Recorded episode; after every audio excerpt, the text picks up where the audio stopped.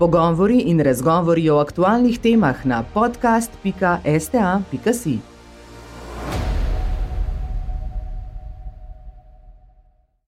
V okviru projekta NEA nadaljujemo s predstavitvami medijskih projektov, ki se med drugim ukvarjajo s preverjanjem dejstev, opozarjajo na lažne novice ter osvetljujejo pomen prepoznavanja dezinformacij in medijskega opismenjevanja. Tokrat na ne gostimo Tajo Topolovec, direktorico in odgovorno urednico neodvisnega in neprofitnega medija pod črto. In za začetek, kdo sploh je medij pod črto, kdo ga ustvarja, kaj počnete? Pozdravljeni. Um, ja, kot ste že rekli, medij pod črto zdaj obstaja dobrih sedem let. Uh, ustanovili smo ga leta, začeli smo ga v bistvu leta 2014 in sicer uh, gre za prvi neprofiten preiskovalni medij v Sloveniji, ki pa so ga na začetku že takoj podprli tudi pri ustanovitvi bralci in donatori. Um, s čim se ukvarjamo? Ukvarjamo se predvsem uh, z pripravo in objavo poglobljenih zgodb z različnih področji in pa nek naš namen je, da ne samo da neko nepravilnost razkrijemo, oziroma ne pišemo, ampak potem tudi spremljamo skozi čas. Na podčrtu ste pravkar izdali tudi, oziroma končali eden, enega izmed vaših projektov. Konec preteklega tedna ste med poslušal, poslušalce poslali zaključno epizodo preiskovalne podcast serije Lažne realnosti, v katerem pod lupo vzamete pojav astroturfinga. Ob napovedi ste zapisali, da boste v podkastu poslušalce popeljali v svet lažnih realnosti. Uh, potem gre moje vprašanje v tej smeri. Je torej to astroturfik eden izmed načinov ustvarjanja svetov ali pa sveta lažnih novic? Zdaj, mogoče, če najprej začnemo pri tem, kaj sploh astroturfing je, če, uh, za poslušalce, ki morda tega ne vedo. Torej, to je v bistvu način, na katerega Uh, ne nujno ustvarjamo lažne novice, ampak v bistvu ustvarjamo občutek, da obstajajo neke javnosti, ki imajo neko mnenje, torej da obstajajo posamezniki, ki, ki stojijo za nekim mnenjem in ga delijo. In to sploh ni nujno uh, povezano z digitalnim svetom, astroturfing lahko obstaja pač tudi izven digitalnega sveta in njegovi začetki. Sega v bistvu v čas, ko pač digitalnih medijev še ni bilo, ampak je bilo treba uh, zadeve opisati v pamfletih in jih, in jih objavljati, naprimer pa na letakih. Um, uporabljajo ga različni akteri, torej uh, astroturfing je lahko uporabljen vem, strani podjetij, strani političnih strank, strani gibanj, torej ni omejeno, kdo ga uh, uporablja. Uh, zdaj, digitalne platforme so na nek način zelo primeren način, da, da pač ga lahko amplificiraš. Uh, pride pa ime iz um, imena oziroma znamke prve umetne trave in je nekako astroturfing, torej nekaj, kar je nasprotju z grassrootom, torej nečim, kar nastane organsko, torej gibanjem, ki ga dejansko spostavljajo od spodaj na vzgor, posamezniki, ki se združijo zaradi delovanja, zaradi, neko, zaradi nekega skupnega cilja, oziroma ima neko podobno pripričanje, ki ga delijo. Uh, torej, gre za. Uh, mi pa omejeno, kaj pravzaprav širijo, torej ni nujno, da širijo lažne novice. Zakaj ste se pa morda prav odločili, da pod drobno gled vzamete pojav astroturfinga, ste ocenili, da je to vem, eden izmed najbolj razpitih ali pa perečih problemov na družbenih omrežjih? Ja, zdaj lahko smo že nekaj let v bistvu spremljali v tujini pač, uh, različne primere astroturfinga, ki so, se, ki so bili naprimer vezani na, uh, na, na volitve v različnih državah. Uh, potem smo lahko spremljali v bistvu tudi skritja večjih troll farm. Um, mi smo, na primer, v naši podcast seriji nekako bralcev peljemo skupaj na, na primer Troll Farme, ki so preiskovali naši uh, kolegi na Polskem in sicer uh, Made Investigate Europe. Uh, torej, Troll Farme so v bistvu. Uh, Ne, ne rabi biti niti fizične, lahko mislim, da torej ne rabi biti fizični prostor, ampak gre za ljudi, ki so plačani za to, da, da ustvarijo neke profile, ki so lažni, s katerih potem ali tvite objavljajo na Facebooku. Uh, na način, da dajo občutek, da so to spet navadni ljudje, ki imajo neko mnenje, ki podpirajo neko, neko gibanje, ki podpirajo neko politiko. Uh, torej, mi smo takrat, ko smo začeli delati, mi smo se s to temo astroturfinga začeli ukvarjati že, da te mi sekundu, da pomislim, uh, leta 2020. Um, kjer smo v bistvu nas zanimali, ali ta, ali ta pojav v Sloveniji obstaja. Ko smo šli narediti analizo, delali smo zadevo na Twitterju, na Twitterju tudi zato, zaradi tega, ker se pač za kreiranje, ker se uporablja za kreiranje javnega mnenja, predvsem v politiki mnogo. Uh, in pa zato, zaradi tega, ker so podatki na Twitterju bolj dostopni kot na katerem drugem, uh, katerem koli drugem socialnem mrežu, pač državnem mrežu. Morda, če zdaj se dotaknemo vseeno metodologije, kako ste analizirali, vzeli ste res neko večje število Twitter profilov, kar tudi poveste, seveda, v svojem podkastu. Koliko časa to zahteva? Delate to s pomočjo ne vem, kakšnih programov, ki spremljajo Twitter, spremljate to čist sami? Uh, torej, to, je šel, to je šel v bistvu za kar veliko mesecev trajajoč projekt.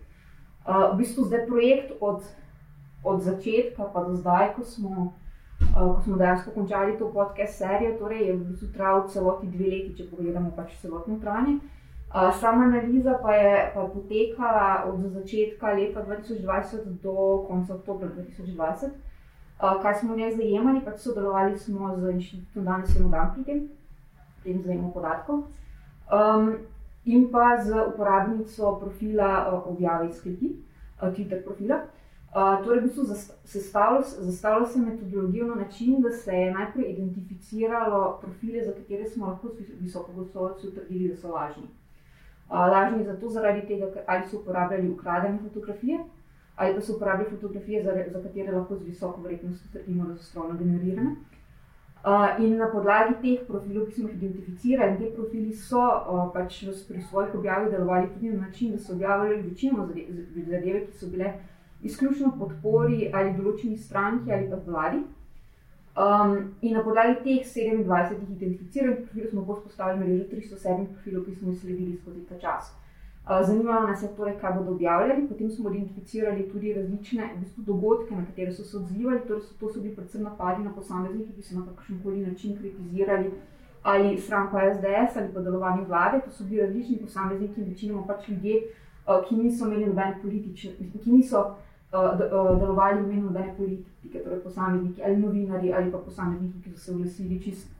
Imamo na primer napada, ki se zgodi uh, zaradi zadev, ki sploh niso bile narejene ta trenutek. To je bil primer napada na Magnifika, kjer je, nek, kjer je nekdo našel nek posnetek, kjer je nekaj trdil za televizijo Al Jazeera več let nazaj, še se je potem nastal aktualen napad na Twitterju. Um, torej, spremljali smo, torej, spremljali smo, kako so se obnašali v napadih na posameznike. Um, pred, uh, te, večina teh napadov se je dejansko potem zgodila v, v tem, rečemo, temu, prvem valu epidemije, oziroma na samem vrhuncu epidemije. In pa spremljali smo, kako delujejo tudi sicer, naprimer, katere zadeve novijo, uh, delijo, katere novice, katere, uh, katere, katere medijske objave in pa katere profile retvitajo. -hmm. Če morda greva zdaj malo širše, kaj pa je ob začetku tega projekta bil vaš namen, cilj, je to ozaveščanje javnosti? Namen je v bistvu ugotoviti, ali pač lahko trdimo, da v Sloveniji obstaja afrotovin, oziroma ali se afrotovin uporablja v politične namene. Um, in tega ni tako enostavno dokazati. Uh, zato smo se v bistvu tega lotili res tako, da smo, da smo zgradili pač to metodologijo iz, iz, iz tega, da smo poiskali te lažne profile um, in pa potem sledili njihovemu delovanju, analizirali, kaj počnejo. Potem v bistvu to delovanje te mreže, teh 307 profilov, ki smo spremljali, potem primerjali z ugotovitvami, naprimer internetnega observatorija v Stanfordu, ki analizira snete mreže profilov. Uh, torej, kaj se zgodi, pač v um, Twitter ne dovoljuje takšnega organiziranega delovanja in v primeru, da ga zazna, pač te mreže Twitter profilov sname. Za v tem podcast seriji, naprimer, se ukvarjamo v sodelovanju z um, novinarji iz uh, preiskovalnega medija Krik, srpskega, za njihovo mrežo profilov, ki so sneli. Torej, v bistvu šlo je za več kot 8000 profilov, ki so tvitali v podporo uh, aktualnemu predsedniku Vučiću. Uh, in um, na podlagi tega so potem na Stanfordskem observatoriju tudi naredili analizo tega, kaj so, kaj so počeli in katero vsebino so širili. Uh, in mnoge zadeve, ki so jih ugotovili, glede tega profila, nekako, so nekako tudi sorodne ugotovitvam, naš, našim ugotovitvam pri analizi, kako je delovala ta mreža. Kakšen je pa po vaši oceni bil domet tega vašega projekta? Vemo takrat, ko ste prvič to nekako objavili članke na to temo na vaši spletni strani, je potem tudi na televizijah zaživela ta tematika. Kako sicer ocenjujete, da je to prišlo do ljudi? Um, zdaj, takrat, ko smo objavili uh, lani to preiskavo, uh, na nek način je pač uh, se poklopila tudi uh, celotna, uh, celotna preiskava s tem, kaj se je pač aktualno politično dogajalo. Uh, torej, ne samo dogajanje v Sloveniji, ampak tudi mednarodna pozornost, ki je bila namenjena Sloveniji, tudi zaradi predsedovanja Evropske unije. Uh, in ena izmed zadev, ki se je zgodila, je, da v bistvu mes med tem, ko smo mi objavili to preiskavo, se je zgodila ta tako imenovana afera Kopriva, zaradi katere je potem tudi javnost v bistvu večjo pozornost namenila astroturfing. Zato astroturfing je zelo tehničen termin, večina ljudi se s tem ni ukvarjala v tistega trenutka, ko sem v realnem življenju. Po drugi strani pa je bila uh, naša raziskava takrat zelo zanimiva tudi za mednarodno javnost, zaradi tega, ker so v bistvu oni pač vsi spremljali, kaj se v Sloveniji dogaja, tudi zaradi tega, ker so politiki konstantno napadali, naprimer novinarje in pa predstavnike nevladnih organizacij na spletu in so v bistvu hoteli vedeti, kaj, kaj je pravzaprav zadnji, oziroma obstaja neka širša analiza in ta edina, ki je obstajala, v bistvu naša preiskava. Uh, zdaj, ko smo se odločili, v bistvu, da iz tega naredimo podcast serijo, pa smo razmišljali predvsem o tem, zaradi tega, kako rečeno tema na nek način tehnična. Pač zdi se ok, mislim, kaj je to, 307 profilov, nekaj nekaj tvita. Um, problem pa je, pač, da v bistvu to, kar se dogaja na Twitterju, ni nekaj, kar ostane tam. Pač, uh, napad, ki se zgodi na Twitterju, ni nekaj, kar ostane na Twitterju. To se prelije in v medije, in v pritiske na posameznike, in potem tudi uh, pač, uh, naši sogovorniki govorijo o tem, da so v realnem življenju. Potem pa pač uh, resno vpliva na to, kaj je v družbi sploh spremljivo v javnem diskurzu, v javnem govoru oziroma v javnosti kot taki. Je tak način novinarskega dela tudi nekako pot v opozarjanje ali pa razkrinkovanje lažnih novic in nekako, da se na to upozori javnost ljudi in se na tak način tudi krepi medijska pismenost? Huh, to je vse zelo, zelo kompleksno vprašanje. Um, torej, mi se načeloma ne ukvarjamo z razkrinkovanjem lažnih novic, to, to ni naše delo, torej mi nismo, mi nismo, mi nismo projekt, ki se ukvarja primarno s tem. Um, Seveda pa pač v bistvu zadeve, kot so preiskave o tem, kako, del, kako, kako, de, naprimer, kako delujejo mediji. Uh, ali pa kaj se dogaja na socialnih mrežah, oziroma na družbenih mrežah, kako to vpliva na to, da ljudje postanejo pač bolj pozorni. Naprimer, kar, kar se vidi, je, da ljudje sami začnejo, naprimer, uporabniki začnejo sami en drugega opozarjati, da pač, okay, ta oseba je trol, da vejo, kako ga prepoznajo. Um, v tem smislu bi rekla, da je do določene mere jama. Uh, je pa še ena zdeva, pač, uh, jaz mislim, da na eni strani je to vprašanje tega, če moramo reči medijska pismenost. Menim, da je precej abstraktno, zaradi tega, ker v bistvu na nek način, um, na nek način odgovornost za to, kaj se dogaja v medijskem prostoru, pač predlagamo na, na uporabnika, na, na bralca, oziroma tega, ki spremlja novice. Pač prav je, da v bistvu so uporabniki obveščeni o nekaj zadevah. Po drugi strani pa pač je, je pa naloga medijev sami, da se to samo regulirajo na način, da, da uporabniki ne rabijo ugotavljati vsako sekundo, ali berejo resnično preverjeno novico ali berejo nekaj, kar je pač fake. Mhm. Kako pa kljub temu ocenjujete, da je stanje medijske pismenosti v Sloveniji? Um, glede tega, žal, nimam nobenih podatkov, na, na katere bi se lahko, lahko uprla. Um, tudi menim, da je pač uh, zelo odvisno od tega, katere medije ljudi spremljajo in pa pač koliko, da, na, na kak način ti pride vsebina. Ali spremljajo predvsem televizijske kanale, ali spremljajo medije prek, predvsem prek socialnih omrežij, ali jih um, spremljajo naprimer, prek, predvsem prek spletnih portalov.